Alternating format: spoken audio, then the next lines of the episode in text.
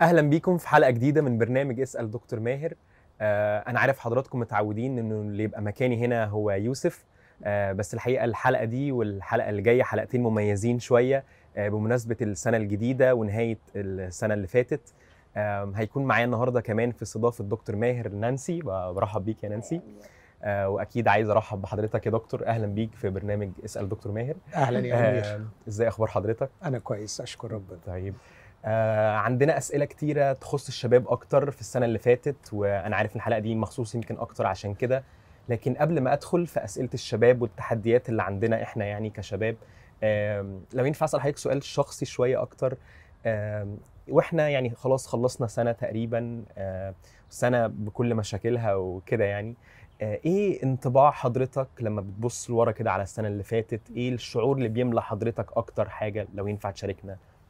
يعني لو شعور عام في كلمة واحدة هو خيابة التوقع.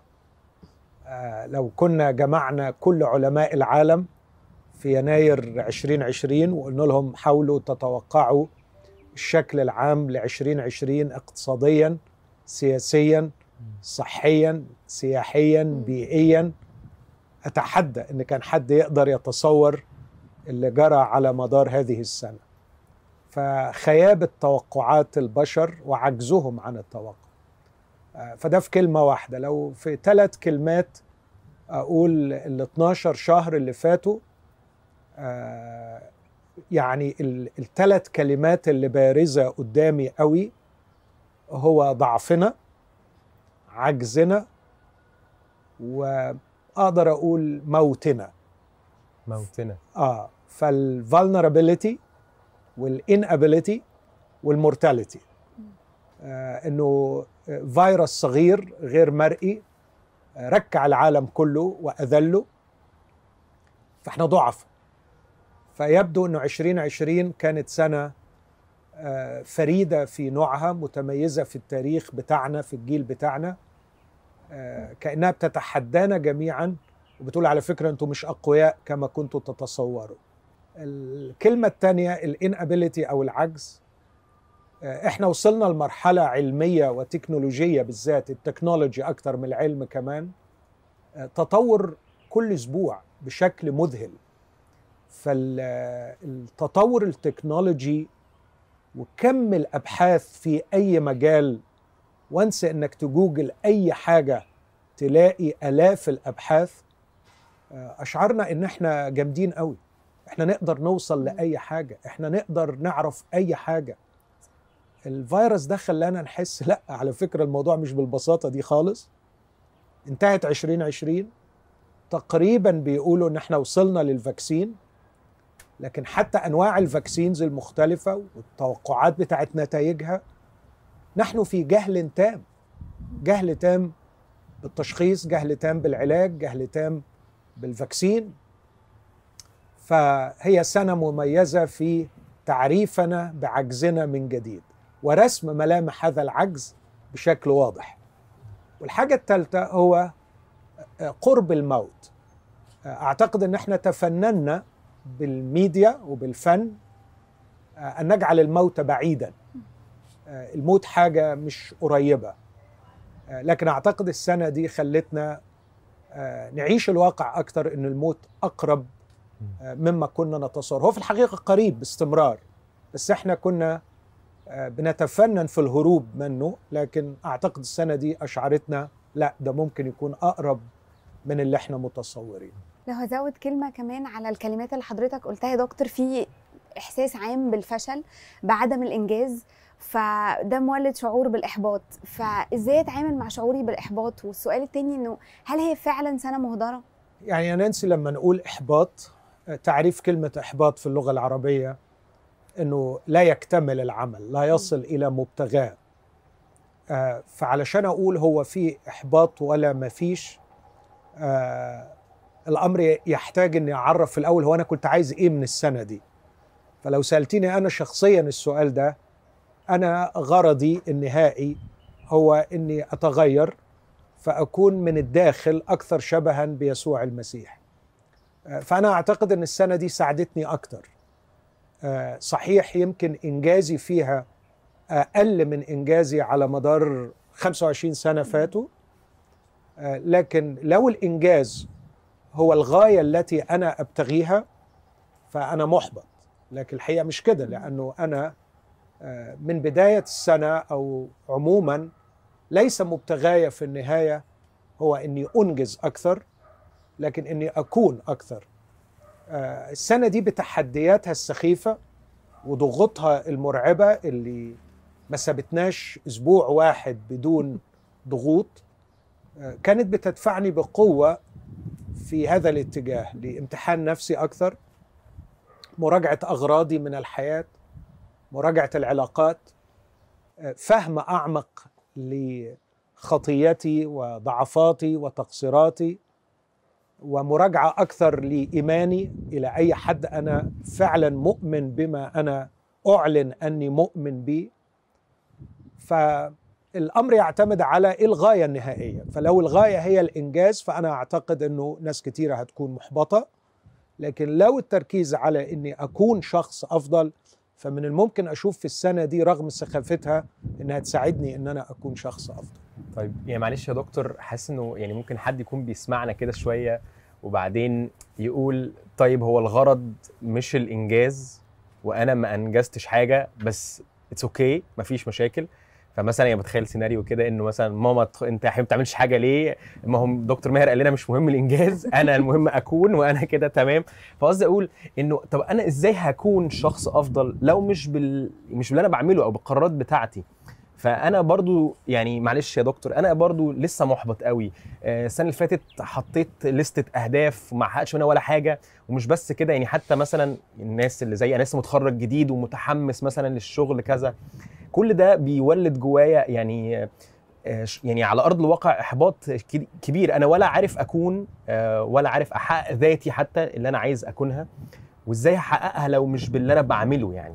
يعني في كذا فكرة هنا يا أمير ممكن نفكرها. لما أنت بتقول أنا في بداية السنة حطيت لستة أهداف أنت حطيت لستة الأهداف دي منطلقا من mindset من تركيبة عقلية آه، تكونت ليك من الأسرة والمجتمع. السؤال ما مدى دقة هذه التركيبة العقلية؟ ما مدى ثقتك في أن هذه التركيبة العقلية سليمة مية في المية وأمينة في مية في المية بحيث أنه ال- الخطط اللي هي حطتها دي أفضل خطط ممكن تكون أنت محتاجها والأهداف اللي حطيتها لك هي دي أفضل أهداف أنت ممكن آه، تكون بتحققها. فأنت انطلقت للخطط وللأهداف آه، من mindset معين آه، بناء على إيه واثق فيه 100% إنه ده الصحيح تماما اللي تعتمد عليه وتتكل عليه؟ وبالتالي لما الخطط والأهداف بتاعته ما تتمش تبقى حزين. فده سؤال مهم محتاجين نسأله. وأنا أزعم إن كتير من خططنا وأهدافنا المجتمع هو اللي حددها لنا.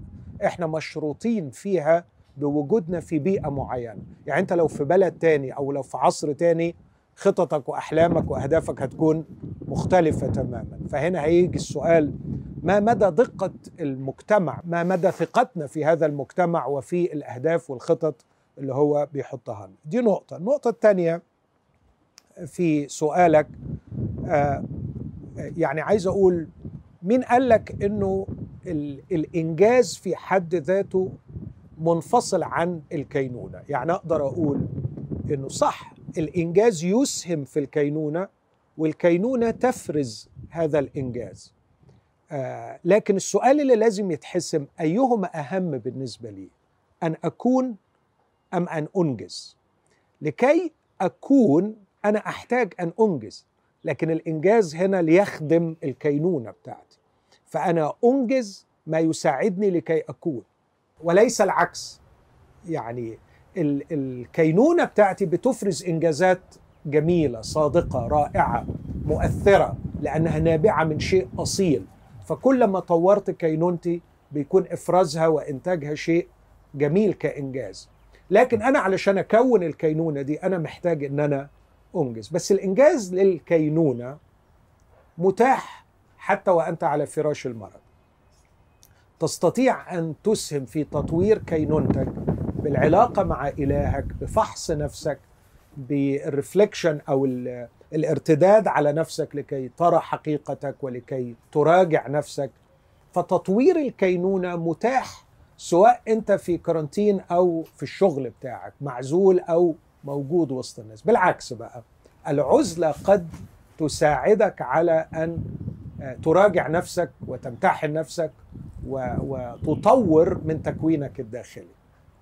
آخر حاجة اقولها إنه طبعا من الممكن أنت لو هتحاول تهرب بإجابات آه، يعني بإجابات لمواجهة التحديات لمواجهة مثلا زي سؤال ماما لما بتسال وبتقول يا ابني أعمل حاجة يا ابني إنجز فأنت بتقول لا دكتور ماهر قال أنا بعمل كينونتي دلوقتي أنا مش بعمل فاضي. كينونتي مش فاضيلك دلوقتي. فأنت آه ممكن يعني لو عايز تتهرب في ملايين ال- أنت مش بس تستعمل اللي ماهر قاله استعمل اللي ربنا قاله في أيوه. الكتاب. لو انت عايز تتهرب من إنجاز ما يمكن إنجازه أو ما يجب عليك إنجازه يعني. لكن إحنا بنتكلم على أشخاص إلى حد ما المفروض إنهم ناضجين وفعلا عايزين يطوروا من أنفسهم. برضو معلش يا دكتور السؤال أنا يعني قصدي أنا ليه مضطر أو يعني إيه الحافز إن أنا أكون حاجة تانية؟ ومش بس كده أكون إيه؟ يعني ما إحنا بنقول كلام أبقى شبه المسيح وأبقى وأبقى. أنا فعندي يعني معلش لو هما سؤالين أنا ليه المفروض أكون حاجة تانية؟ أنا أنا مبسوط وقاعد ما ما, بنجزش دي حاجة. أو آه، الشعور التاني إنه أكون إيه برضو؟ يعني أنا مفروض أكون إيه؟ بص أنت إذا سبت نفسك هتكون. آه، بس هتبقى سلبي في اشتراكك في كينونتك فهتكون اللي أنت مش عايز تكونه. ودي المفاجأة السخيفة اللي بيجي بيها الواحد في عمر الأربعين والخمسين ويلاقي روحه إنه بقي حاجة مش هو اللي عايزها. مش هو اللي عايزها. والسؤال انت هو وأنا عملت إيه علشان ابقى كده؟ لا حبيبي هو انت ما عملتش حاجة انت مجرد انك سبت نفسك. فانت ما عندكش اختيار في مسألة الكينونة. انت عمال تتكون. انت كل فيلم بتشوفه وكل حوار بتدخل فيه وكل عمل ما بتعملهوش أو كل عمل بتعمله بيسهم بقدر ما في تكوين إنسانك الداخلي. وإنسانك عمال يحصل له ايمرجنس عمال ينبثق ويطلع من مختلف العوامل اللي أنت محطوط فيهم. فأنت هتكون هتكون. إذا لم تتدخل متعمدا intentionally و و وتوجه هذا التكوين لنقطة أنت عايزها ده مش معناه إن أنت مش هتتكون. أنت هتتكون بس هتتكون في الحتة الغلط بالطريقة الغلط وتنتج الشخص اللي أنت ما تحبش إنك تكون. فده يعني نقطة مهمة. ليه أنا عايز أكون؟ عايز أكون إيه بقى؟ أنا أؤمن إنه الإنسان لا يولد آه، يعني زي ما بيقولوا كيانا قارا مكتملا يعني حاجة كده على بعضيها نازلة وجست إنها بتتفعل. لا الإنسان مشروع. آه، نعمل الإنسان لأننا نحن عمله. فنحن في طور في الحياة انبثاق وتكون وتطور ونمو ولم نكتمل بعد. فأنا أعتقد يعني زي ما آه، يمكن التشبيهين اللي في ذهني دلوقتي آه، تشبيه الفخاري اللي بيعمل إناء على الدولاب بتاعه ده تشبيه قديم لكن معروف آه، منظر الفخاري اللي بيعمل فازة معينة بيعمل جرة معينة ما قدامهوش صورة موجودة وبيعمل عليها لكن الصورة موجودة في ذهنه. فهو يعني بيعمل حاجة معينة وبيضغط جامد هنا عايز يعمل كيرف معين أو عايز يطول حاجة عايز يرفع حاجة. اللي حواليه مش فاهمين أي حاجة. أنت بتعمل بناء على إيه؟ لو ابنه قعد وسأله وقال له ليه بتعمل كده؟ يقول له بعمل كده علشان تتطابق مع الصورة اللي موجودة في ذهني. نفس الكلام بالنسبة للنساج مثلا. لو أنا تخيلت الناس اللي بيشتغلوا على النول آه، أنا شفت النول ده في الصعيد اللي بيعملوا الكليم ال- السجاد آه، في اخميم مثلا اللي بيعملوا السجاد ال- الجميل الحرير. ال- السجاد في غاية الإتقان والجمال والروعة. إزاي الخيوط دي بتمتزج معا؟ آه أنت ممكن تشوف حركة الراجل وهو بيشتغل وعمال يشد المكوك ده ويحط الخيط ده ويعمل كده. بس ما قدامهوش صورة معينة لكن الصورة موجودة في ذهنه. إذا أنا افترضت أن الإنسان في تكوينه النهائي هو كائن الله يستمتع بخلقه والله يريد بشكل معين فالصورة الأصلية للكينونة النهائية موجودة في في, ذهن الله. الله. وهنا تأتي مسألة فرديتنا تفردنا. آه، آه، ل- لإنقاذنا من المسخ لإنقاذنا من الاغتيال الوجودي. بأننا إذا تركنا أنفسنا لأنفسنا أو تركنا أنفسنا للمجتمع سنصنع نسخا من الآخرين ونفقد أجمل شيء وأعظم شيء نتوق إليه في أعماقنا. إني أكون كائنا فريدا جميلا متميزا. فأكون إيه؟ أكون هذا الكائن الموجود في عقل الله وفي قلب الله والذي يصر بأن يصنعني كما يريد أن يصنع. بس يا دكتور يعني في وسط التحديات اللي إحنا بنعدي بيها ينفع أقول إنه المجتمع زي ما كنت حضرتك بتقول بيشكل جزء من من من أهدافي ومن اللي أنا بحسه؟ فلو أنا كل النبرة اللي حواليا مثلا نبرة خوف فده كمان بيؤثر على أنا هكون إيه وهنجز إيه؟ جزء منه تاني مثلا أنا الشخص ده إنه شخصيتي تميل للإنجاز فأنا الساتسفاكشن أو الرضا اللي بيجي لي عن نفسي هو من خلال آه إن أنا أحس إن أنا أهدافي اتحققت وإنجازي آه حصل. إزاي أتحول من إن أنا إنجازي أو حبي للإنجاز لا يعوق أو يكون بيساهم في إن أنا أكون الصورة اللي على ذهن الله؟ هل أنا واضحة بالنسبة لحضرتك؟ أعتقد أعتقد.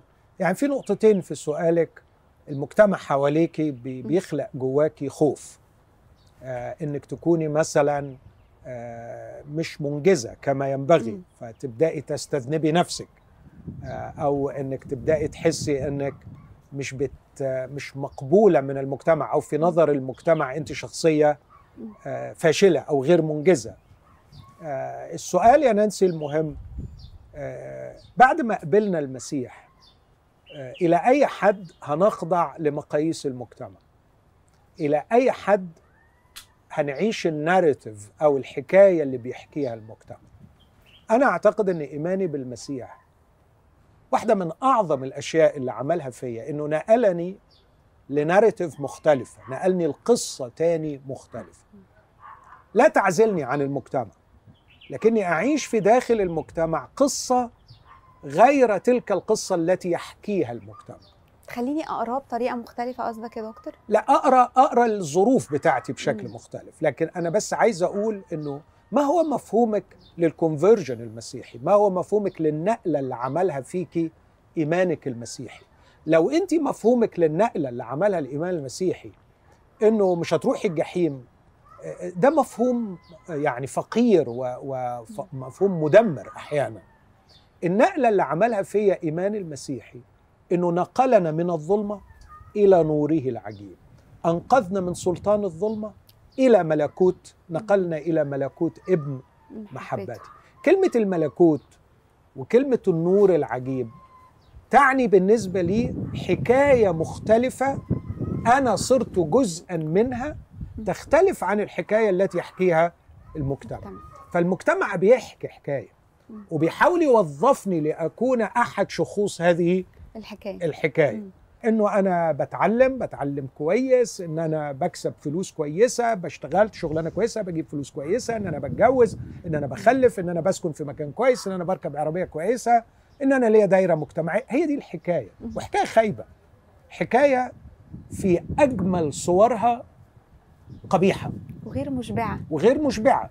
و و وكل يوم نتأكد من الذين عاشوا الحكاية دي في ملئها آه، بنتأكد منهم وإحنا بنسمعهم يشكون الفراغ العميق والخواء العميق ويكتبون الكتب وينظرون ويخترعون النظريات العلمية في محاولة تفسير لماذا هذا الاكتئاب ولماذا هذا الإحباط على الرغم من أنهم الاكثر حققوا انجازا و- و- وبعضهم مات منتحرا. يعني آه، فوستر والاس في في مقاله الشهير اللي, اللي قاله قبل ما ينتحر كان بيقول الكلام ده بيقول إنه إنه خدنا وخدنا وخدنا وخدنا وما زلنا نعيش فراغ عميق جدا.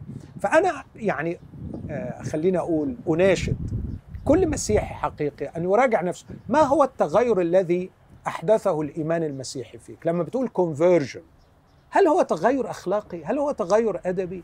هل هو تغير عقيدي؟ ولا إن الحكاية اللي أنت عايش فيها اختلفت آه، أعتقد ده تلخصه الآية اللي بيقول إنكم دلوقتي بعد ما انتقلتوا للدايرة الجديدة دي أنتوا بتعيشوا حكاية جديدة قدموا أجسادكم ذبيحة حية مقدسة مرضية عند الله عبادتكم العقلية.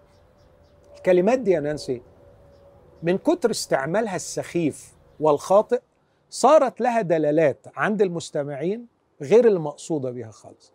لدرجة حتى وأنا بقولها دلوقتي ببقى حاسس إني بقول تشيزي سنتنس أيوة.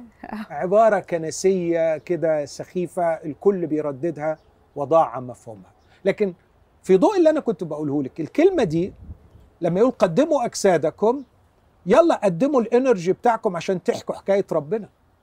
الله بيعمل حكاية قدموا أجسادكم ذبيحة حية أنا مش هروح أذبح نفسي لكن ده معنى ميتافوريك معنى تصويري. إنه يلا هات العقل بتاعك بإبداعه وهات الجسم هات بتاعك حياتك. هات حياتك مم.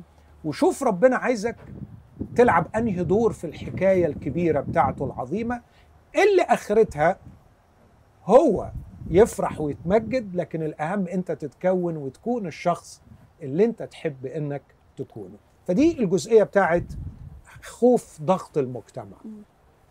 كان في جزئية تاني اللي انت بتقوليها. طب أنا بالطبيعة البيرسوناليتي أو الشخصية بتاعتي إن أنا أحب على. الإنجاز. أحب الإنجاز. أنا أعتقد إن واحدة من من أهم التدريبات الروحية هو إحداث هذا التوازن في حياتنا ال- ال- الروحية والشخصية يعني. يعني أنت عارفة أنا بحب أميز دايما بين ال personality وال character. ال personality هو اللي انت مولودة بيه الجينات الوراثية بتاعتك. ودي بتمثل الإطار الخارجي. لكن في ال character الإنسان اللي هو ال inner being الإنسان الداخل أو الإنسان الباطن. المفروض إنه إنساني الباطن يؤثر عليا بحيث إني أكون شخص متوازن فأكون آه شخص يحب ينجز لكن ما يدوسش العلاقات في طريق الإنجاز. إني أكون شخص بيحب ينجز. بس ما يكونش شخص بيدوس على العزلة والتأمل بسبب إنه عايز ينجز. ينجز. ما إحنا بنشوف ناس إنهم بينجزوا بينجزوا بينجزوا ويتحولوا إلى شخصيات مشوهة في مم. الآخر. داس له في سكته 100 واحد وتطرف في إنجازاته بس تبص عليه من النواحي العاطفية ومن النواحي الإبداعية من النواحي خلينا أقول التأملية من عمق التفكير سطحيين رغم انهم منجزين لأنه مش بيقعد ياخد وقت يفكر وي يعني فلا تقدسي مم. لا تقدسي ميولك الشخصيه مم. لا تعتبريها يعني آه، شريعة ينبغي أن تطاع لا إحنا كائنات مشوهة إحنا كائنات ساقطة مم. فكوني أرى أن أني أعشق الإنجاز فأقول أنا بتاع إنجاز فلازم أ... لا حاسب حاسب مم. انت كيانك السليم في النهاية مش انك مجرد تبقى ماكينة كان ممكن مم. ربنا يعملك على فكرة روبوت وتنجز أحسن مليون مرة من اللي انت بتنجزه لكن انت إنسان طب معلش يا دكتور. حاسس في برضو الشق التاني أو يعني في ناس زي نانسي بتحب الإنجاز بس في بقى المجموعة التانية ودول بصراحة كتير برضو آه أنا بالعكس أنا أنا مش مش عايز نقعد أشتغل وأنجز وكده أنا أنا حتى وفي ناس كتير منهم حتى شباب مش متضايقش قوي من فكرة العزلة والكوارنتين والفكرة ديت. لا بالعكس.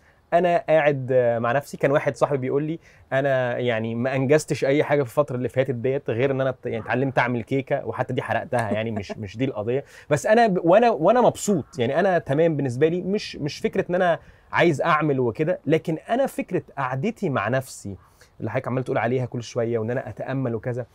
أنا قعدتي مع نفسي عايز أقول مش لذيذة مش أنا ما عجبتنيش. وحضرتك عارف برضو أكيد الجيل بتاعنا من أكتر جيل الأجيال ال distractors الحاجات العوامل اللي بتشتت آه، فأنا على طول بهرب لل social media على طول. بهرب ل Netflix على طول بهرب للحاجات دي.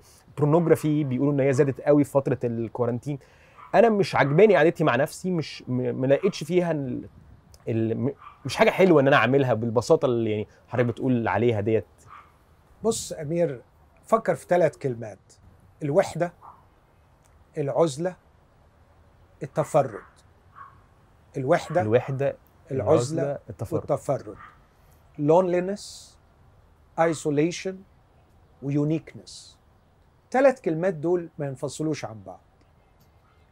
شئنا أم أبينا نحن كائنات تعاني من الوحدة. أنت وحيد وأنت وحيدة وأنا وحيد. شئنا أم أبينا. وهذه الوحدة مقصودة. فهي ليست شيء يعني عايز أقول آه، رديء.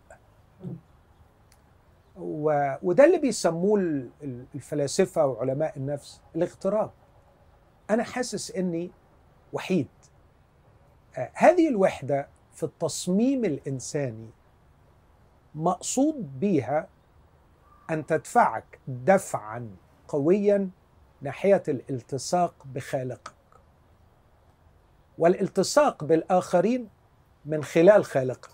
يعني إيه؟ التانية دي صعبة شوية بس هقول الفكرة وبعدين نرجع للنقطة دي بس تفكرني أرجع لها. حاضر.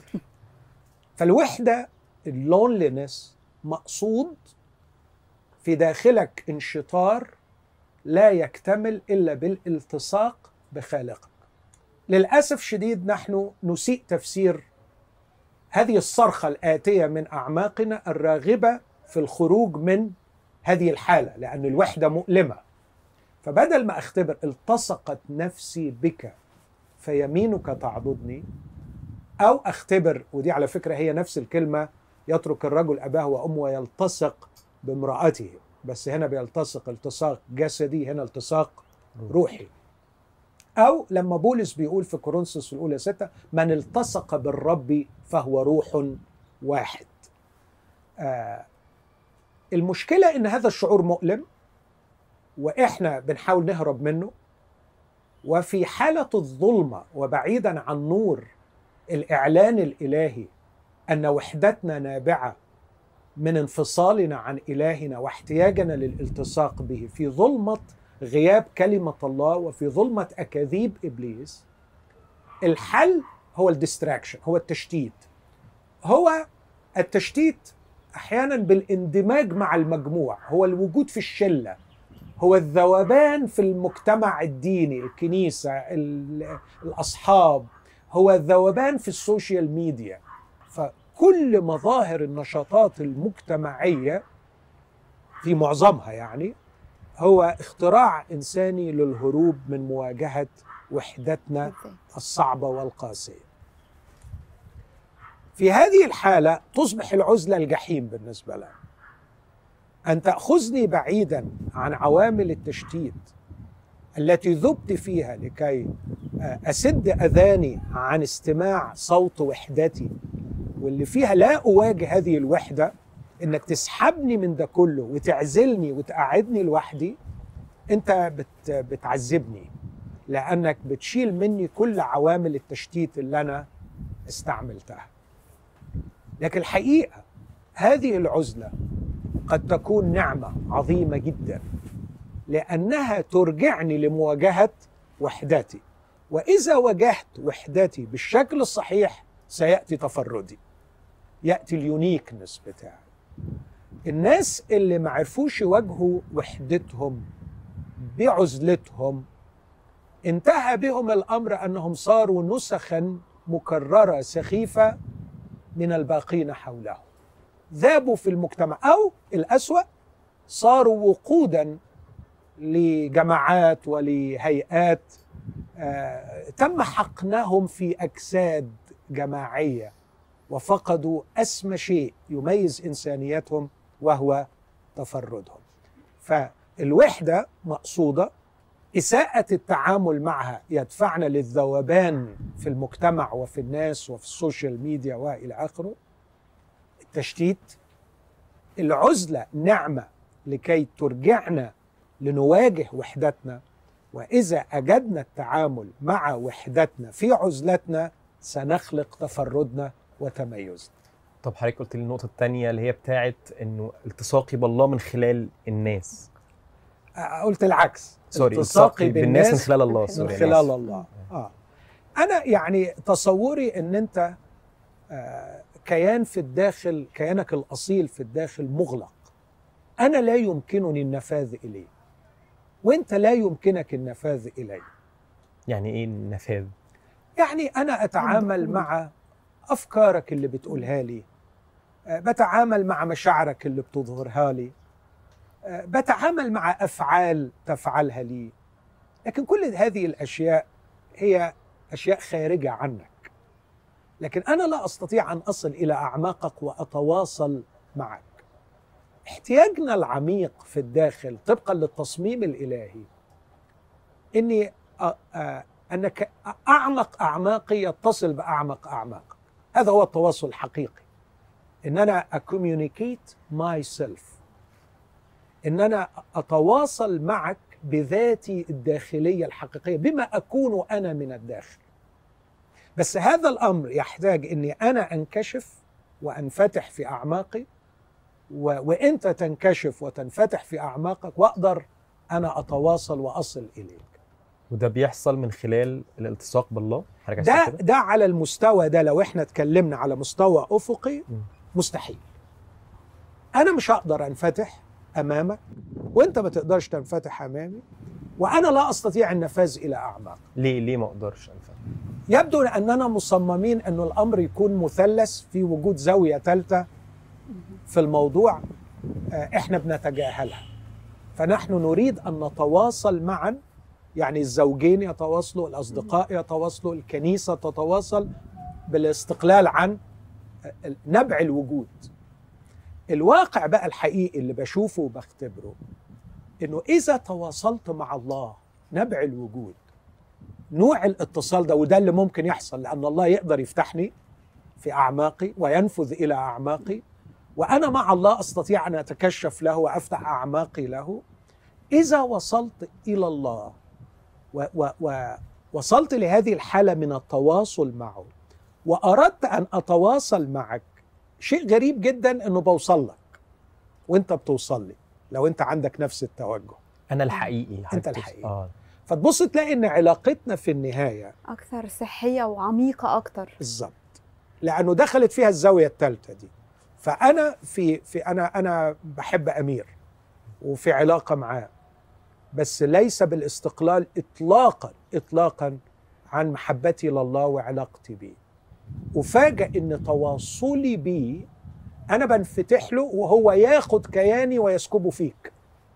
فبقى أنا متصل بيك من خلاله. وتلاقي نوع العلاقة أكثر ثباتا أكثر صحة زي ما بتقول نانسي ما فيهاش استعمال ليك. لا أنا بستعملك ولا أنت بتستعملني لكن أنا ببنيك وأنت بتبنيني.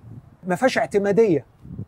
يعني نبقى قريبين جدا من بعض وبنبني جدا بعض لكن ما فيش أي اعتمادية لأنه في زاوية ثالثه في طرف ثالث في القضية فالبنيان آه، هو آه، آه، انفتاح على الأبدي اللي هو الله ونبع الوجود وبعدين أنا أصل إليك من خلاله.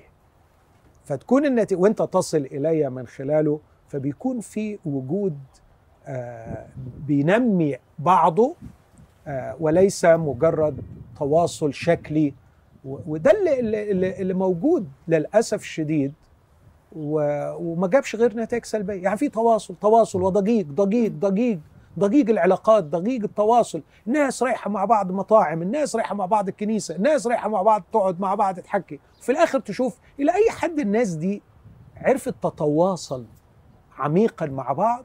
أتحدى. مجرد أشياء سطحية على رأي إخواتنا اللبنانية. طق حنك طق حنك طق حنك ضجيج بلا طحن.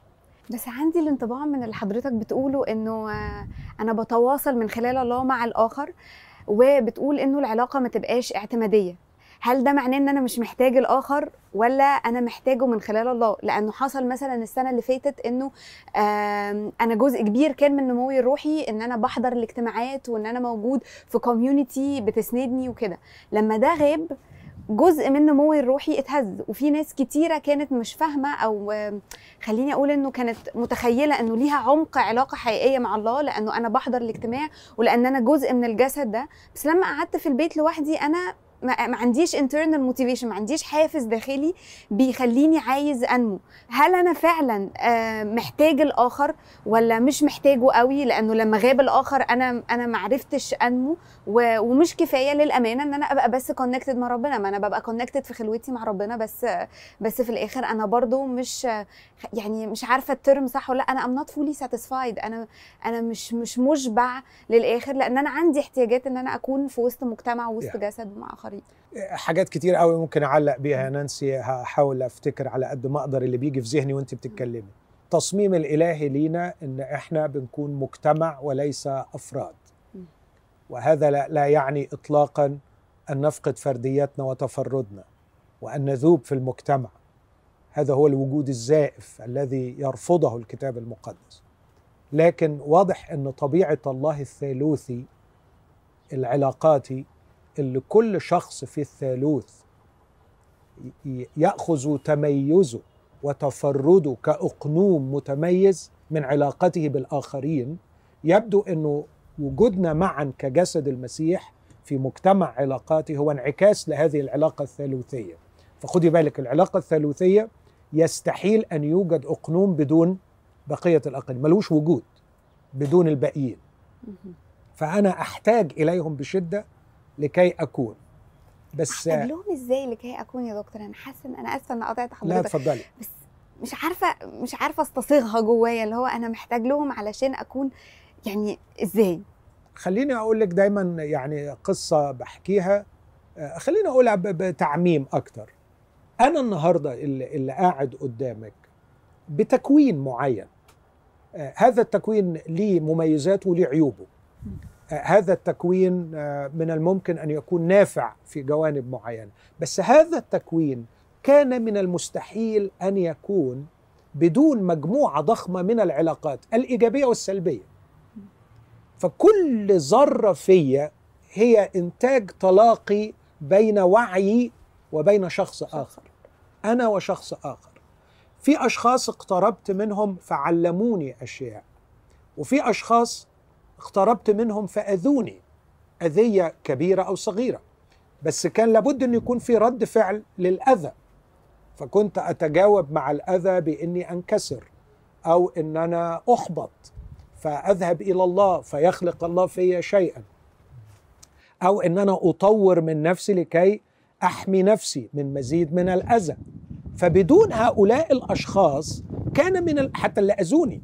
كان من المستحيل أن أطور هذا النوع من العلاقة مع الله أو أطور وسائل الحماية معينة حتى لو كانت وسائل حماية سلبية أحيانا.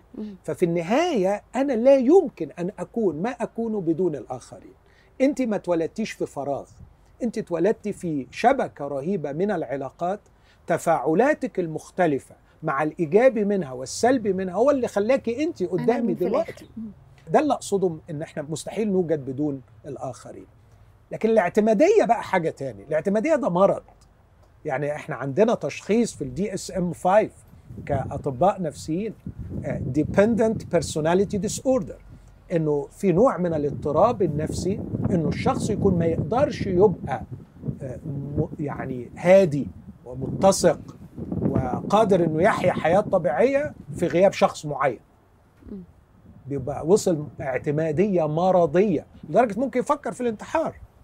لو لو لو غاب أو لو شعر إنه سيفقد هذا هذا. الآخر. ده مرض ويحتاج إلى علاج. فده اللي أقصده إنه من المستحيل وجود وجودنا بدون الآخر لكن في نفس الوقت ما يصلش الأمر إلى الاعتمادية المرضية. نقطة تاني بقى أو كذا نقطة في اللي قلتيه مسألة الكنيسة بقى واللي حصل في العزلة دي. مم.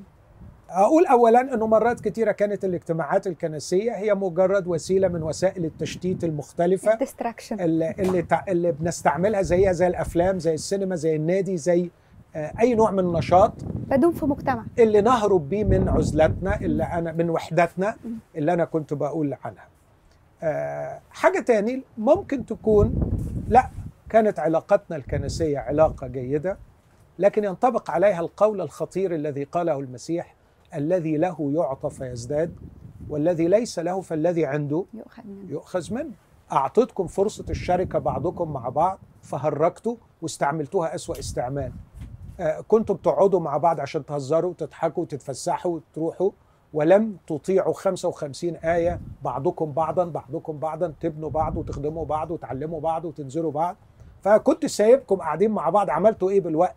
وعملتوا إيه بالفرصة. فكانت لديكم النعمة لم تحسنوا استعمالها تؤخذ منكم على مبدأ الذي عنده يؤخذ منه. فممكن أشوفها كده.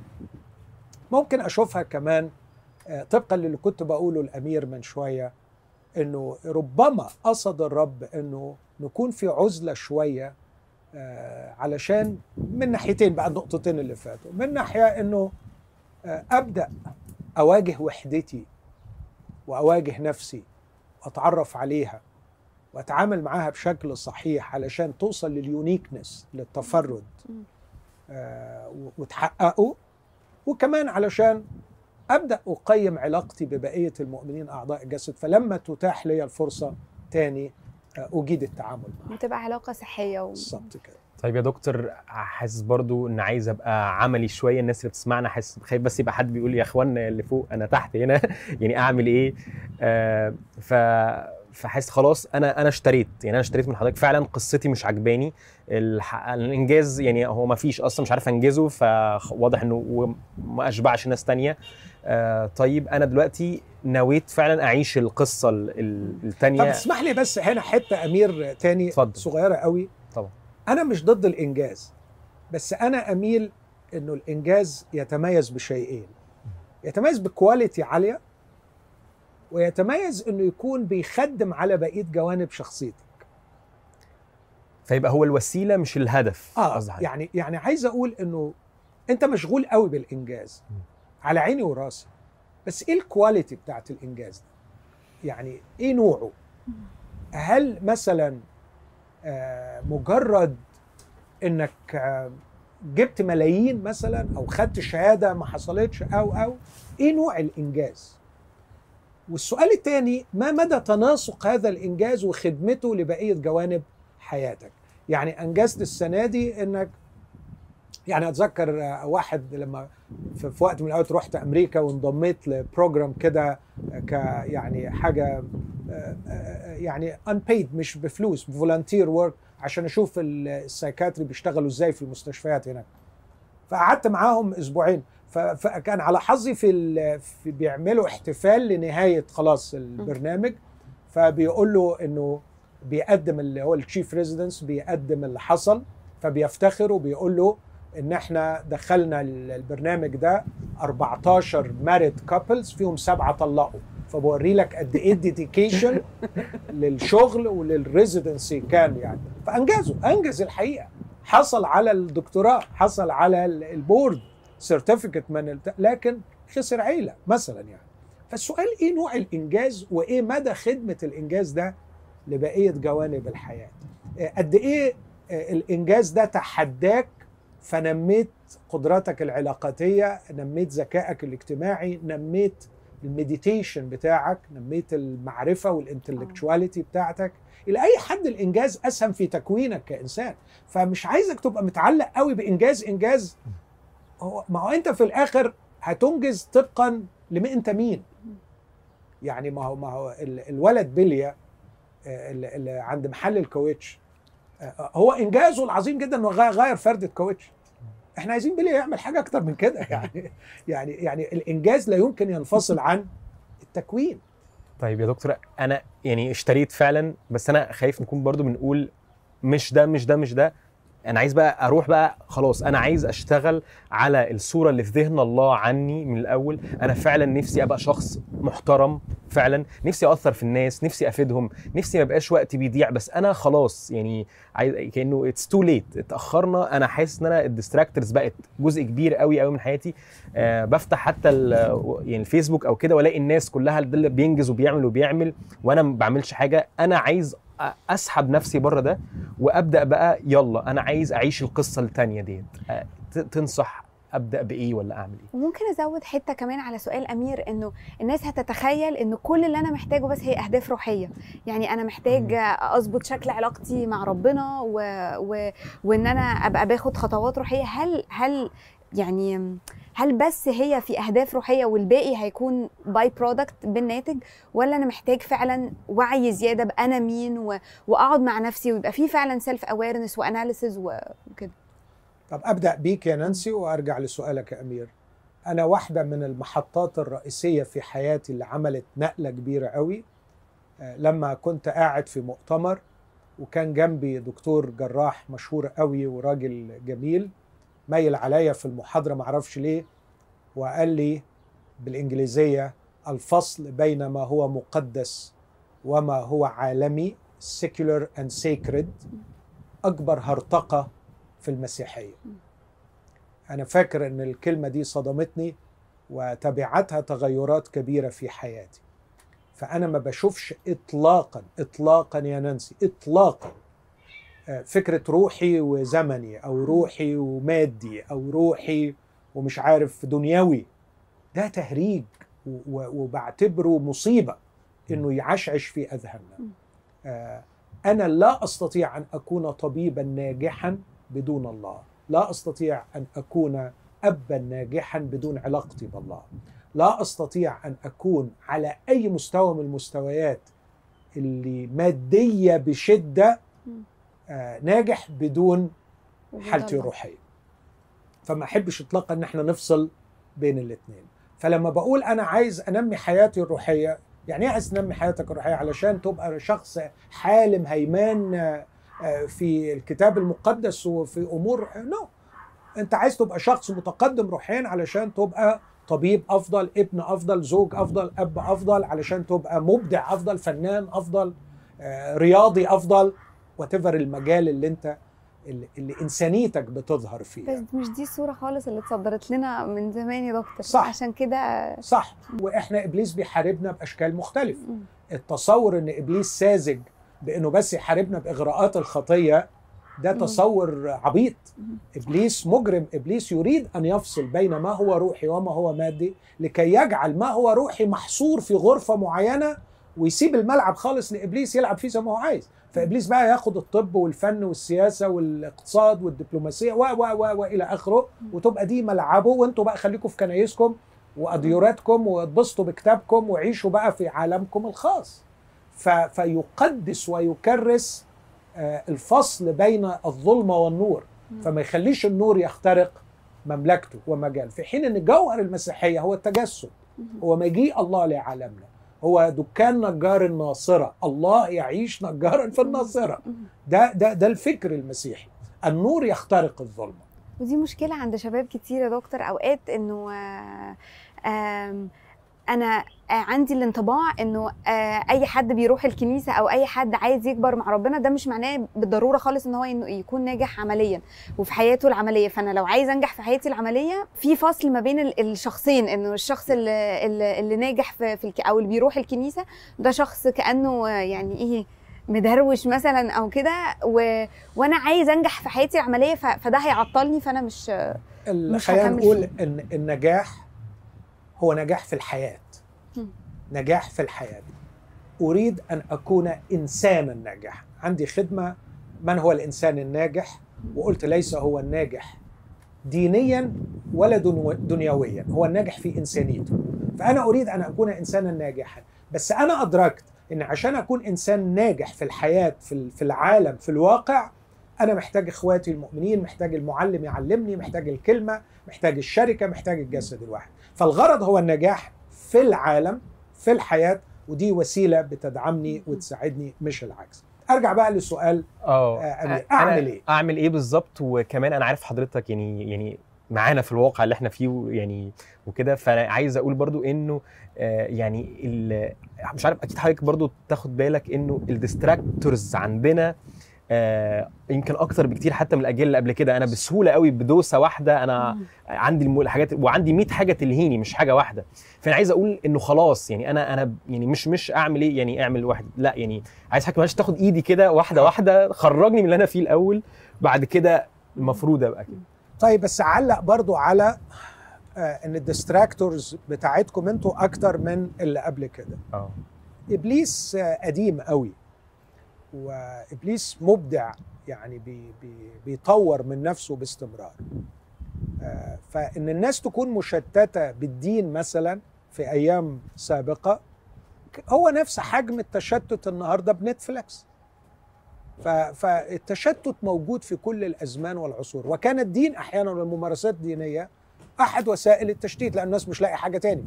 فأنا عايز أقول ال- الفكرة الأساسية هو قابليتك وقبولك بتشتري فكرة إنك تتشتت كل عصر ليه وسائل التشتيت بتاعه. نوع مختلف نوع لكن مختلف. لكن هو كتير ومن زمان. وفيري ساتل خادع جدا في مجالات مختلفة. في ناس مشتتة بعلاقاتها العائلية. تقديس غريب وعجيب للعلاقة العائلية إنه لازم مثلا كل أسبوع نعمل كذا وكذا وكذا. ويبقوا وصلوا لحالة من الملل الرهيب بس ما يقدرش يكسر القواعد. تشتيت.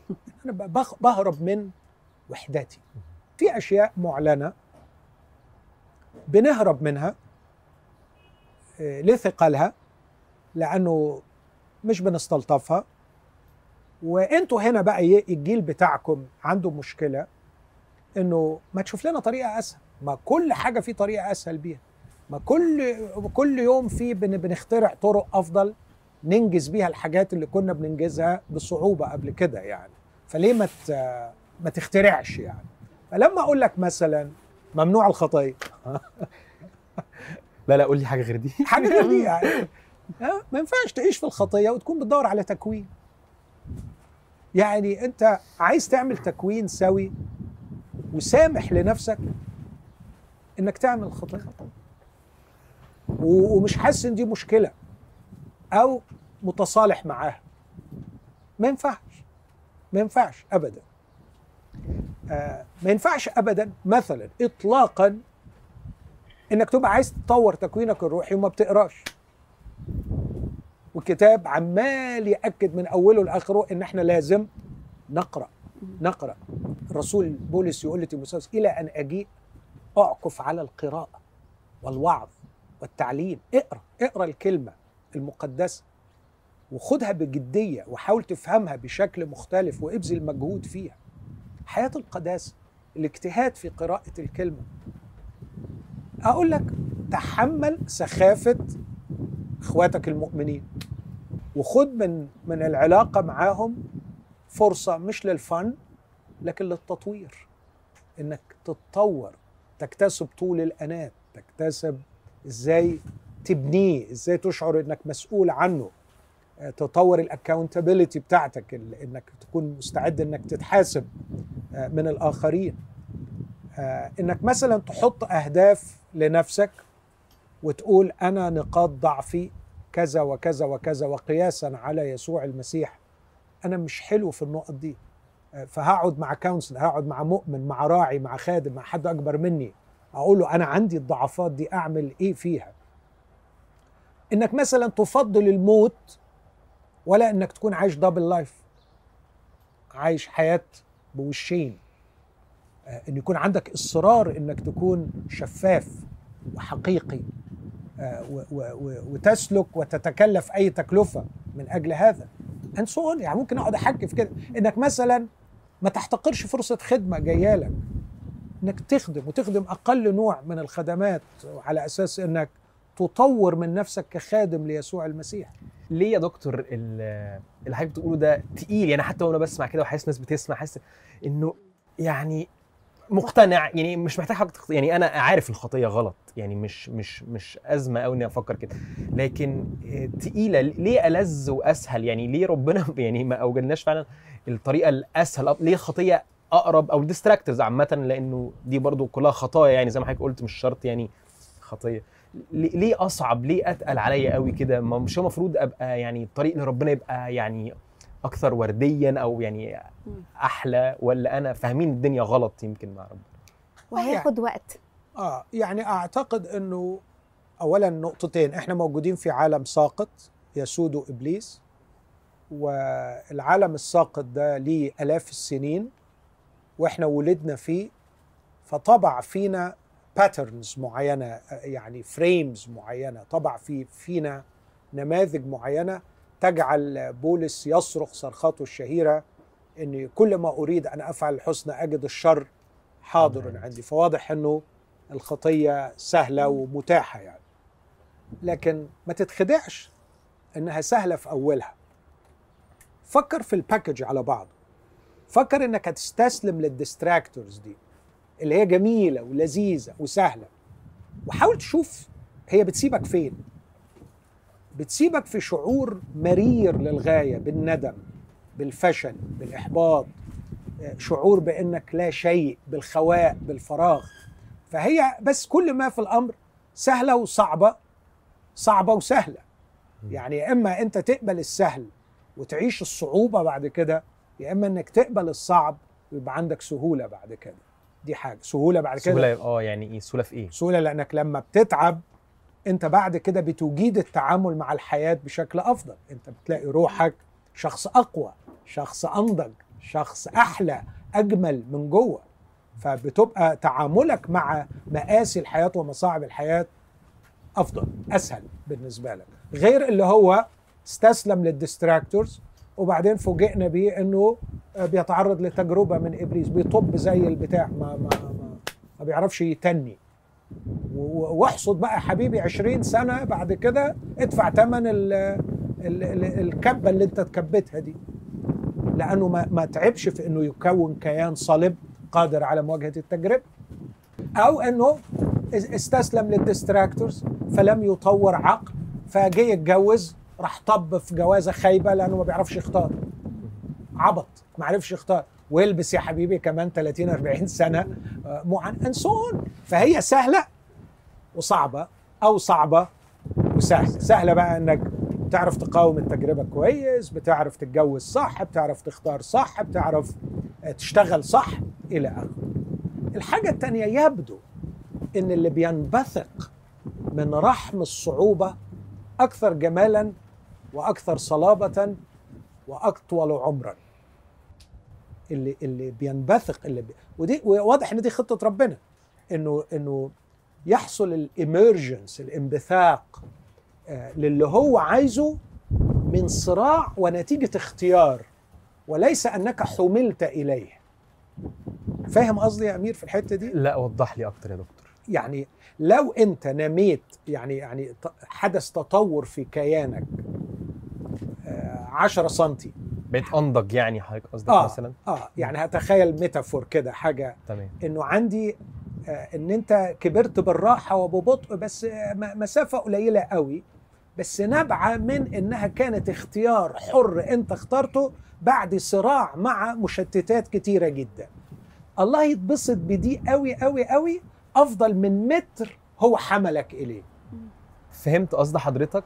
بس برضو آه، حاسس إنه يعني حضرتك بتقول إنه كده هيبقى أجمل وده الأحلى وكذا يعني حاسس إنه يمكن في نظر حضرتك أو يمكن في نظر آه، جيل تاني. إحنا الجيل بتاعنا بالعكس إحنا بنقله أو اللي بيعجبنا الأمثلة التانية ال- مثلا ال influencers اللي هم الناس اللي بيطلعوا ال content أو المحتوى اللي هو يمكن تافه جدا. أنا دايما ببص على ال stories بتاعت صحابي وشايف إن هم على طول خارجين على طول عاملين وحاسس إنه الله ده هو ده الحلو هو ده الولد اللي يا بخته البنت اللي يا بختها أو حتى إنجازات. أنا خلصت عملت شهادة كذا وعملت كذا وعملت كذا. فتحس إنه بالعكس إحنا بنشوفه جميل هو ده. ده, ده الحاجة اللي عجبانا أو ده الشكل الأحلى. فأنا خايف برضو يكون إنه في الآخر أنا وأنا بدور بقى على قيمتي هنا في وسط المجتمع وتفردي وكذا وكذا. يعني هل هل ده هيعجب الناس فعلا؟ أو هل ده أنا طبعا هنا في مشكلة إن أنا بدور على إعجاب الناس بس أنا هل أنا كده أبقى شخص مرغوب فيه من الناس؟ شخص يعني الناس أحلى يعني بالنسبة لهم؟ أكيد أنت عارف الإجابة إنه يعني ليس كل من يحبه الناس ويرغبه الناس ولا يعني بص على الفنانين اللي ناجحين في مصر. نجاح يعني جبار و واخدين number 1 و number 2 يعني آه، بص على آه، يعني راجع ماذا يرغب المجتمع ماذا يرغب المجتمع بشكله العام ماذا يرغب المجموع. فإذا أحلى دي يعني قصد حضرتك أحلى من وجهة نظر ربنا من وجهة نظر نفسي؟ من وجهة نظر حتى حتى عارف لما بيجي حد لا يعرف شيئا عن الإيمان المسيحي ونقعد نتناقش في أفكار أبص الاقيه يقول لي الله يا دكتور الكلام ده أنا نفسي اكونه يعني. يعني حتى في وجهة نظر شخص ملهوش دراية بال- بالإيمان المسيحي. آه، يمكن تستغرب لو قلت لك إن كتير من الأشهر الانفلونسرز وهنا في مصر بيتعالجوا نفسيا. تستغرب لو قلت لك حاجة زي كده. وأنا شخصيا ببقى مصدوم مصدوم من حجم التأثير الجبار في الخارج وبعدين الخواء اللي يظهر في العيادة النفسية والاحتياج للدعم النفسي والعلاج من مآسي. ف ف يعني عايز أقول يا جماعة فوقوا من الكذبة الكبيرة اللي خلقتها السوشيال ميديا فوقوا من الكذبة دي. وأرجوكم ما تضيعوش أنفسكم. أنا كتير كنت أقول الكلمة دي أتذكر إن يمكن تأثرت فيها بقراءة معينة مش أصيلة مني يعني. آه، لما أقول دايما إنه كان في زماننا نعيش الحياة الطبيعية فتأتي اللحظة التي نشتاق أن نخلدها فنلتقط لها صورة. فكنا آه، يعني بالصورة نخلد الحدث. اليوم أصبحنا نصنع الحدث من أجل الصورة. فبقت الصورة هي أهم شيء. فأصبحنا نعيش احداثا مفتعلة مفتعلة كاذبة. هي مصنوعة أساسا من أجل الصورة. والصورة لكي أؤثر بها على الآخرين. ومن هنا برضو بطورت التعبير تاني. بقول صرنا نعيش لإدارة الانطباعات بدلا من إدارة الذات. وأنا النهارده بشوف سقوط وقيام كثيرين والسقوط والقيام يحددوا أي مجال ستختار. هل ستختار أن تدير انطباعات الناس عنك وتحقق أكبر نجاحات؟ أدرت الانطباعات بانه كله بيقول أنت ما حصلتش أنت جامد أنت ما فيش منك. انت موهوب انت ذكي. برافو حبيبي ادرت الانطباعات. لكن لم تدير الذات لتجعلها ذاتا أصيلة قوية تصمد أمام التجارب وتنجح أمام التحديات. اذا بناء على كلام حضرتك القيمة هنا مش من رأي الناس أو الإعجاب بتاعهم آه وكمان مش من الإنجازات اللي أنا بعملها أو كده واللي ده غالبا ما كانش موجود يمكن السنة اللي فاتت. ولا في النجاحات ولا في اللي يمكن حتى الممتلكات اللي عندي وكذا. طيب أمال القيمة هنا بستمدها من إيه؟ ويعني برضو أتمنى الإجابة يعني تبقى آه، مش إنه من ربنا. يعني لأ يعني فين وهل أنا فعلا بحس بالموضوع ده؟ هل فعلا بيبقى ليه تأثير وبقى فعلا قادر أعيش شاعر بقيمتي ديت؟ طب أنا بس معترض على ليه مش عايزني أقول آخد قيمتي من ربنا؟ لا لا أنا قصدي يعني إنه إيه ال- يعني أنا موافق أخدها من ربنا بس قصدي أعملها إزاي يعني ما يبقاش برافو. يعني أنا أقول لك ليه أنت قلت الكلمة دي؟ أيوه. لأنه أصبحت إجابة كليشيه سخيف. ما تاخدش قيمتك من الناس خد قيمتك من ربنا. طب إزاي يعني؟ أيوه أعمل إيه يعني؟ إزاي؟ طب أعمل إيه؟ إزاي؟ هي فين بس؟ طب أعمل إيه يعني؟ يعني إنك أنت بتروح الكنيسه وانت بتوعظ مثلا ولا انت خادم ولا انت مرنم ما حصلتش يعني. ك- ت- ت- تهريج كلام فاضي يعني. لكن أنا عايز أقول إنه لما أقول أنا هاخد قيمتي من ربنا آه، قيمتي من ربنا لأنه ربنا بيعمل فيا حاجات حقيقية فعلا حتى المجتمع نفسه يقول إن ليها قيمة. يعني مثلا لما تكون بتسهم بصدق في تغيير الآخرين لما آه، تكون آه، بتشوف إنه في شخصيات كانت مستعبدة وصارت حرة لما تشوف إن في بيوت كانت منهدمة واعيد بنائها آه، لما تشوف إن في ناس استنارت فأخذت قرارات صحيحة في حياتها بسبب علاقتك معها لما تشوف إن أنت آه، تعرضت لتجربة جنسية وانتصرت فأنقذت نفسك وأنقذت الآخر. لما تشوف إنك تركت صيت حسن في أي مجال أنت آه، يعني دخلت فيه أو تعاملت معه آه، لما تشوف شهادة الناس عنك إن أنت عندك انتجريتي في المال مثلا أو استقامة في التعاملات كل دي أشياء على فكرة بتدي قيمة. ولا واحدة من اللي أنا قلتهم يجوا من غير ربنا ومن غير العلاقة مع ربنا. فلما نقول إن إحنا بناخد قيمتنا من ربنا مش إن إحنا رحنا كتبنا اسم في الكشف بتوع الناس بتوع ربنا يعني. يا ربنا مين يا جماعة تبع ربنا؟ أنا تبع ربنا أنا خدت القيمة بتاعتي. ده تهريج. لكن القيمة هي القيمة. بس في نسختها الأصيلة وليس في زيفها.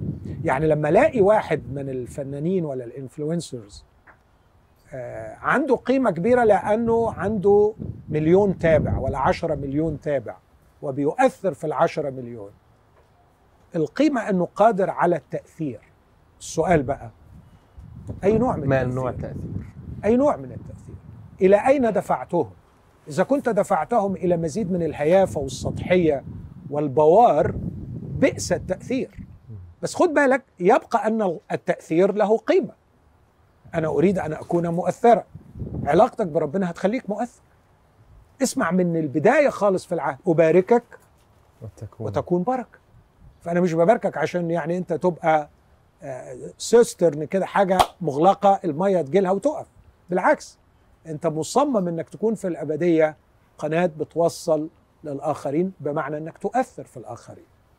بس يا دكتور هل آه يعني أنا وأنا وحضرتك بتتكلم جه في بالي شخص أنا أعرفه. الشخص ده يعني ما ما ينفعش أقيم طبعا بس أنا لا أعتقد إن هو ليه العلاقة ال ال ال ال يعني العميقه قوي مع الله.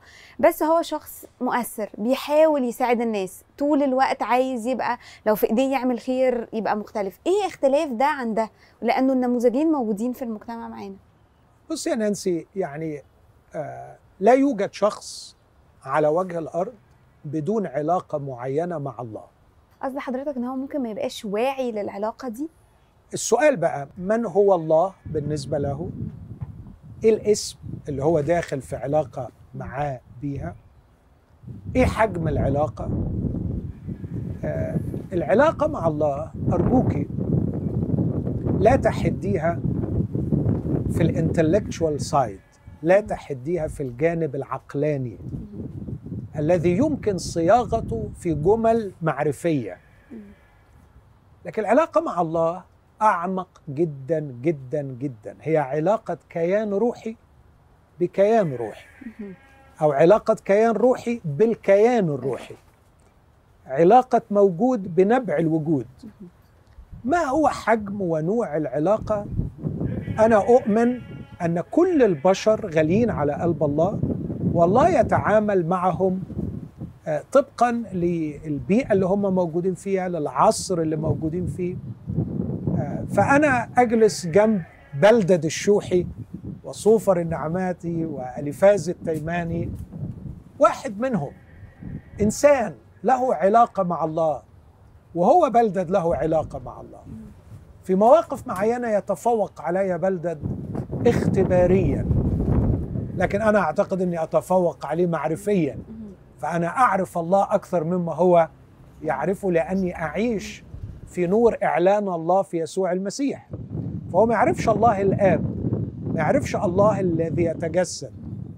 لكن لما تسمعي مثلا لواحد منهم يقول له إن ألقيت التبر على التراب وذهب أوفير بين حصل الأودية يكون القدير تبرك وفضة أتعاب لك. الراجل ده بيتكلم عن خبرة اختبارية اختبر إن الله أعظم من الذهب بالنسبة له. أنا من الممكن أكون وراه ب 100 ميل في فكرة إن الله أهم من الذهب رغم إن هو ما عندوش المحتوى المعرفي اللي عندي عن. الله فاهم قصدي؟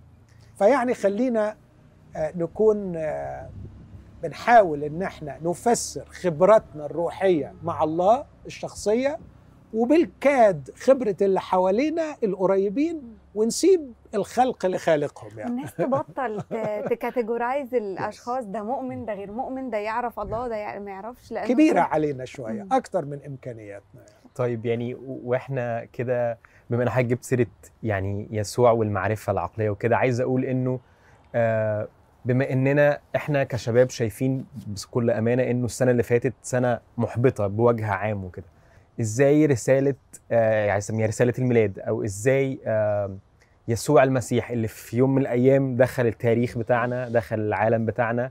آه إزاي دي رسالة أنا عايز أقول مش بس يعني تخليني أبقى satisfied أو تخليني بس راضي لا أنا عايز أقول إزاي دي رسالة مفرحة.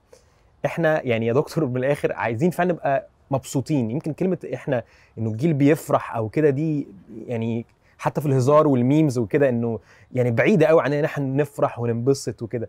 هل فعلا ينفع الرسالة دي تكون بتفرحني عامة؟ هل ينفع أكون فرحان في وسط الظروف ديت؟ يعني مثلا ألاقي حبقوق بيقول إنه مع إنه لا يزهر التين لكن أبتهج وأف... الكلمة دي صعبة قوي لو قلتها لشاب. تبتهج وتفرح. أسئلتك دايما بتصير في ذهني يعني حاجات كتير قوي. ارتبط الميلاد بالفرح. ما نقدرش ننكر. ها أنا أبشركم بفرح عظيم. النقطة الثانية المهمة إن الظروف اللي حدث فيها الميلاد هي واحدة من أسوأ الظروف في التاريخ البشري طبقا للبقعة دي في الزمن ده. فيعني عايز أقول آه، لم يكن هذا الفرح آه، يعني متناغم مع طبيعة الظروف بالعكس كان غريبا على الظروف. آه، لكن أعتقد إنه رسالة الميلاد لنا إنه من الممكن أن نفرح ونفرح فرحا عظيما في أسوأ الأيام وفي أصعب الظروف. بشرط أن يعاد صياغة تكويننا بحيث إن إحنا آه، نجاوب صح على السؤال هو إيه اللي يفرح حقيقي وإيه اللي يحزن حقيقي. آه، يعني إمتى هتقول يس خدتها وصلت لها؟ من الممكن إنه شاب يعمل كده لما يوصل لحتة الحشيش اللي كان نفسه يجيبها. وممكن واحد يعملها لأنه حط جون. وممكن واحد يعملها لأنه انتصر على تجربة شريرة مثلا. فالسؤال برضو تاني أنت نوع الكائن آه، هيفرح إزاي وهيفرح بإيه؟ لكن هل ميلاد المسيح يحمل لنا فرحا حقيقيا فعلا؟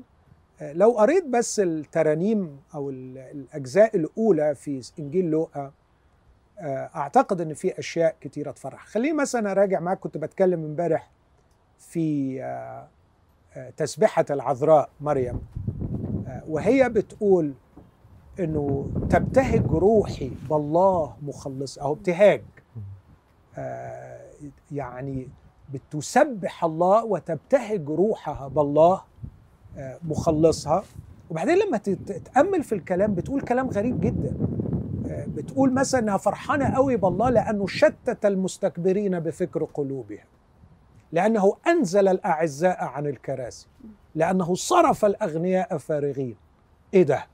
هي دي حاجات تفرح؟ آه نوع الكيان الذي أصبح يشتاق إلى العدل يشتاق إلى كشف الحقائق آه، الذي يشتاق إلى نزع أقنعة الزيف. الذي يشتاق إلى فضح الكبرياء المخفي شتت المستكبرين بفكر قلوبهم المتكبرين في الداخل. إنه خيب رجا الاغنياء ال- هنا كلمة صرف الأغنياء فارغين معناها الأغنياء دايما عندهم إحساس إن هم يستحقوا معاملة خاصة. فلما يقف في الطابور عايز معاملة خاصة لما لأنه غني. فبيقول لك صرف الأغنياء فارغين يعني لا حبيبي اتفضل مع السلامة مالكش حاجة هنا. فرحانه العذراء بحاجة زي كده. طب إيه اللي يفرح في كده؟ فرح إن يوضع الحق في الأرض إن يكون الأمور بتوضع في نصابها الصحيح. فخد بالك نوع الكيان بيفرح بإيه؟ آه، مش بتقول أنا فرح قلبي بالرب وتبتهج روحي بالله مخلصي لأنه اداني أبا أنا أم المخلص وأنا وأنا. ما بتقولش كده. نظر إلى اتضاع أمته. رفع المتضعين. يعني بص الروعة هنا إنه الفرحة بتاعتها مش إن هي بقيت أم المخلص بس. أكيد طبعا في شيء شخصي وقالت قبلها نظر إلى اتضاع أمته. لكن بص الجمال إنه رفع المتضعين. إنه هذا الإله اللي عمل معايا كده أنا فرحانه بيه لأنه عرفت إن هو بيرفع المتضعين. فرسالة الميلاد نعم نفرح لكن المهم هو تكوين الكيان الذي يعرف أن يفرح فرحا حقيقيا فرحا نقيا فرحا صحيحا. وإيه المقياس يا دكتور اللي هقيس بيه على أساسه بقى يعني لو هي يعني عايز أقول إنه لأ أنا أنا بتقدم أنا بتحسن فعلا. أنا ب يعني هل عندي مقياس أقدر أقيس بيه؟ إنه أنا فعلا ده ده ده أنا ناجح. يعني عايز أقول أنا ناجح. هنا لو حضرتك الحياة حاجة واحدة فأنا ناجح فيها ولا أنا برجع لورا؟ بص ما أقدرش أحط لك مقياس شامل كامل. آه، أسهل حاجة أقول لك خليك زي يسوع يعني. لكن آه، أنا بحب ثلاث كلمات الجمال السلام التأثير. beauty peace influence ودول اللي أقدر أقيم نفسي بيهم. إلى أي حد آه، أقدر أقول إني أزداد جمالا من الداخل. أو أقولها بلغة أكثر اتضاعا. إلى أي حد أتخلص من قبح الداخلي الذي أراه وأعرفه والماثل أمام عيني باستمرار. وده بيستلزم إني أواجه قبحي وأعرفه. إذا قلت أنا لست بقبيح وليس في أي قبح فهذا يعني إن النور مطفي بس. لكن إذا أضاء النور لابد أن نواجه قبحنا. آه، أقيم نفسي آه، بإني ناجح على قد ما اتخلص من قبحي وازداد جمالا في عيني خالقي آه، بحيث إنه يعني أكثر آه، أصبح أكثر شبها بيسوع. وده يقتضي برضه تاني إني أكون عارف جمال يسوع. هو إيه جمال يسوع؟ في علاقاته في منطقه في حجته في أخلاقه في تصرفاته في تعامله مع المرأة في تعامله مع الطفل. فأنا هقيس نفسي على جمال يسوع فده يقتضي إن أنا أعرف مين يسوع في جماله في أخلاقه في عقله في منطقه في حواراته في ثباته في صلابته. آه، كل جزء من الإناجيل بيتحداني آه، في جمال هذا الشخص. فأنا محتاج إن أنا أطلع أكثر على هذه النوعية من الشخصية. كيف كان يقيم علاقاته العائلية علاقاته مع تلاميذه؟ أنا عايز أبقى زي ده. عايز أبقى قوي عايز أبقى صلب عايز أبقى نقي عايز أبقى ثابت عايز أبقى معطاء نفسي أبقى زيه. فالأمر يحتاج إلى إضاءة النور لمواجهة قبحي ومعرفة جمال يسوع وأحاول إن أنا أتخلص من قبحي. النقطة الثانية إنه أنا نفسي أوصل إلى ال- السلام الداخلي العميق. آه، عايز أرتبط بالأبدي. آه، عايز أكون آه، مش دايما مطروش بلغة الصعيد يعني في خط الزمن إنه الماضي والحاضر والمستقبل. عايز عايز شوية أبقى مش خارجه لكن فوقه. فوقه وداخله مش في خطه. لأني مرتبط بالأبدي فمش بقيم حياتي على إنها هي بس شوية الأيام اللي أنا عايشهم على الأرض. فعندي حرية شوية من الخوف ومن ال- المستقبل. عندي حالة من التسليم العميق آه، إنه في أوثر في مؤلف بيصنع القصة. عندي وعي كامل بسلطان الله. إن كنت أنت هو مرني أن آتي إليك على الماء. إنه أي عوائق وتحديات هو قادر أن يمشيني على مرتفعاتي فعلا. فأنا نفسي أنمو في الإيمان آه، بثقة شديدة في الله تجعلني مملوء داخليا بالسلام لا يهتز أمام الخسائر لا يهتز أمام عدم الثبات اللي موجود في العالم. والأمر الثالث مش عايز أمشي من الدنيا بدون تأثير حقيقي على الناس حواليا بس يكون تأثير جيد لخيرهم وبنيانهم. فده المقياس الثلاثي اللي أنا بقيم نفسي عليه الجمال والسلام والتأثير. كل يا دكتور لما بنسمع حضرتك بنشتاق لل- لأن إحنا نكون جزء من القصة دي وبيملانا حقيقي آم، آه، زي يعني إيه اشتياق لله. بس إيه الضمان اللي يسوع بيدهوني؟ هل بس هي الحياة الأبدية ولا في نوع حياة مختلفة ممكن أعيشه هنا؟ فاهمك. بس ب- مع تصحيح بسيط يا. نانسي لو تسمحي لي إنه الحياة الأبدية في مفهوم يسوع المسيح هي حياة حاضرة هنا والآن.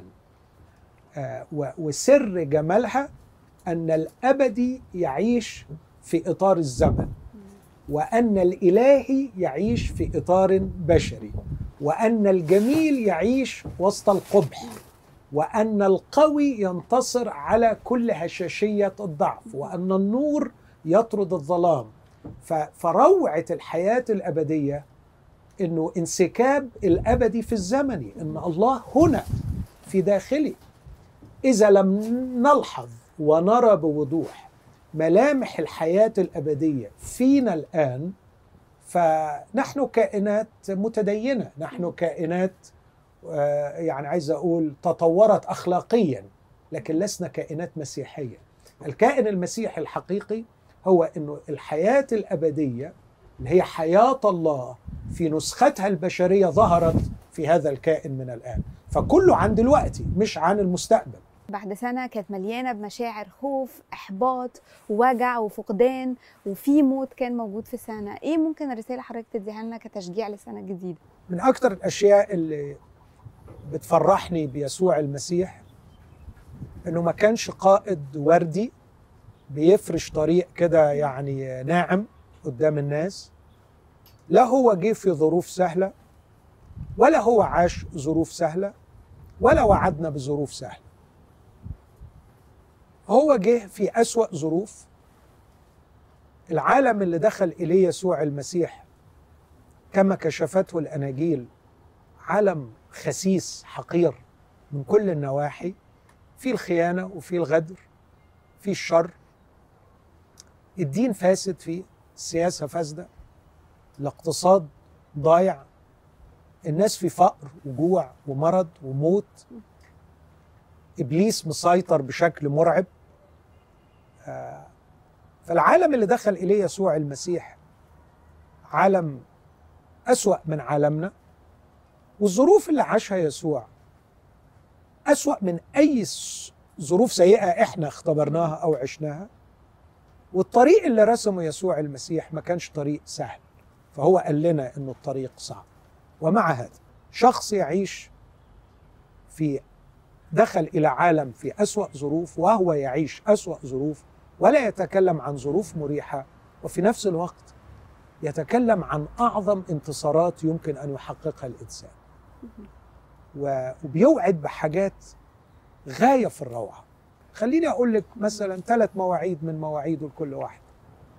لما اتكلم عن الجمال الرب يسوع يقول لنا إنه إن أحببتم الذين يحبونكم فأي فضل لكم؟ أليس العشارون والخطاة يفعلون هذا؟ لكن أحبوا أعداءكم باركوا لاعنيكم أحسنوا إلى مبغضيكم صلوا من أجل الذين يسيئون إليكم لأنكم إن فعلتم هذا تكونون أبناء أبيكم. يا رب هل أنت قادر إنك تعمل فيا كده؟ يقول لي أيوه أنا عملت كده. وأقدر أخليك تعمل كده. هذا هو الجمال اللي يسوع بيوعد بيه. اتكلم عن السلام مثلا. عجيب هذا الشخص. تاني هقول دخل للعالم في أسوأ ظروف عاش أسوأ ظروف. بيوعدنا إن الظروف اللي هنعيش فيها مش هتكون سهلة. وبعدين اسمع العبارة دي ده في أسوأ ليلة وهو رايح يتصلب وخلاص بيختم الحديث النهائي مع التلاميذ. وهيطلع علشان يتعرى ويتجلد ويتبهدل ويتحاكم ست محاكمات ويتعلق على صليب. أرجوك تخيلي شخص طالع يواجه ده كله. الواحد فيكم لو رايح عنده امتحان الصبح بيبقى ركبه سايبه عايزك تتخيلي هو رايح يواجه إيه؟ ويقول لهم كلمتكم بهذا وأنا بعد معكم في العالم ليكون لكم في سلام. في العالم سيكون لكم ضيق لكن ثقوا. أنا قد غلبت العالم. فكري في الجملة دي فيها ثلاث أجزاء. لكم في العالم ضيق لكم في سلام لكن أنا أقوى من العالم. أنا قد غلبت العالم. فإذا كان العالم يقدم ضيق ويسوع يقدم سلام وبعدين يسوع غلب العالم يبقى السلام بتاع يسوع غلب ضيق العالم. العالم. فسلام حقيقي. ليس سلام لأنك أنقذتيني ووضعتيني في قلعة حصينة حميتيني فيها من أي ضيق. لكنك فتحت كل الأبواب لكل الطوفانات يعني طوفان الضيق والألم وتتركيني وسط العواصف وتعطيني الانتصار. ده اللي بيعمله يسوع. الأمر الثالث لما يقول أنا عندما كنت في العالم هو بيصلي في يوحنا 17 يقول له أنا أظهرت اسمك. للناس الذين أعطيتني من العالم العمل الذي أعطيتني لأعمل قد أكملته. بص التأثير بص القوة بص الرضا عن نوع الحياة اللي عاشها. وفي نفس الموقف ده قبل ما يقول الصلوة دي كان بيقول للتلاميذ الآب الحال فيا هو يعمل الأعمال. والحق أقول لكم إن من يؤمن بي فالأعمال التي أنا أعملها هو يعملها ويعمل أعظم. منها هل سأعمل في عالم كهذا في 2021 أقدر أعمل أعمالك يا يسوع. أقدر أعمل في عالم سيء بهذا الشكل. في ظروف أنت عارف اللي فيها يا رب. أنت شايف حال الكنيسة وحال المؤمنين وحال الخدام وشايف الظروف وحال الصحة وحال الاقتصاد. أنت بتقول إن أنا أقدر أعمل أعمالك؟ يهمس في ودني يقول لي وتعمل أعظم منها لأني ذاهب إلى أبي. سأجلس على العرش شفيعا لك. أسخر كل إمكانيات العرش لإتمام ما قصدته محبة الله لك. ثق في محبة الله لك وثق في محبتك لي. وإذا غابت الثقة في محبة الله لنا وفي محبة يسوع لنا لماذا ندعي أننا مسيحيين؟ إيه اللي مخلينا ملزقين في المسيح؟ ما نروح بقى نعيش زي ما الناس عايشة. إحنا ليه بنعرج بين الفرقتين؟ ليه عايشين مسيحية خايبة؟ ما هياش مسيحية. وحتى مش عايشين في العالم عيشة حق يعني بتاعه أهل العالم. ما يا هنا يا هنا وتخلصنا.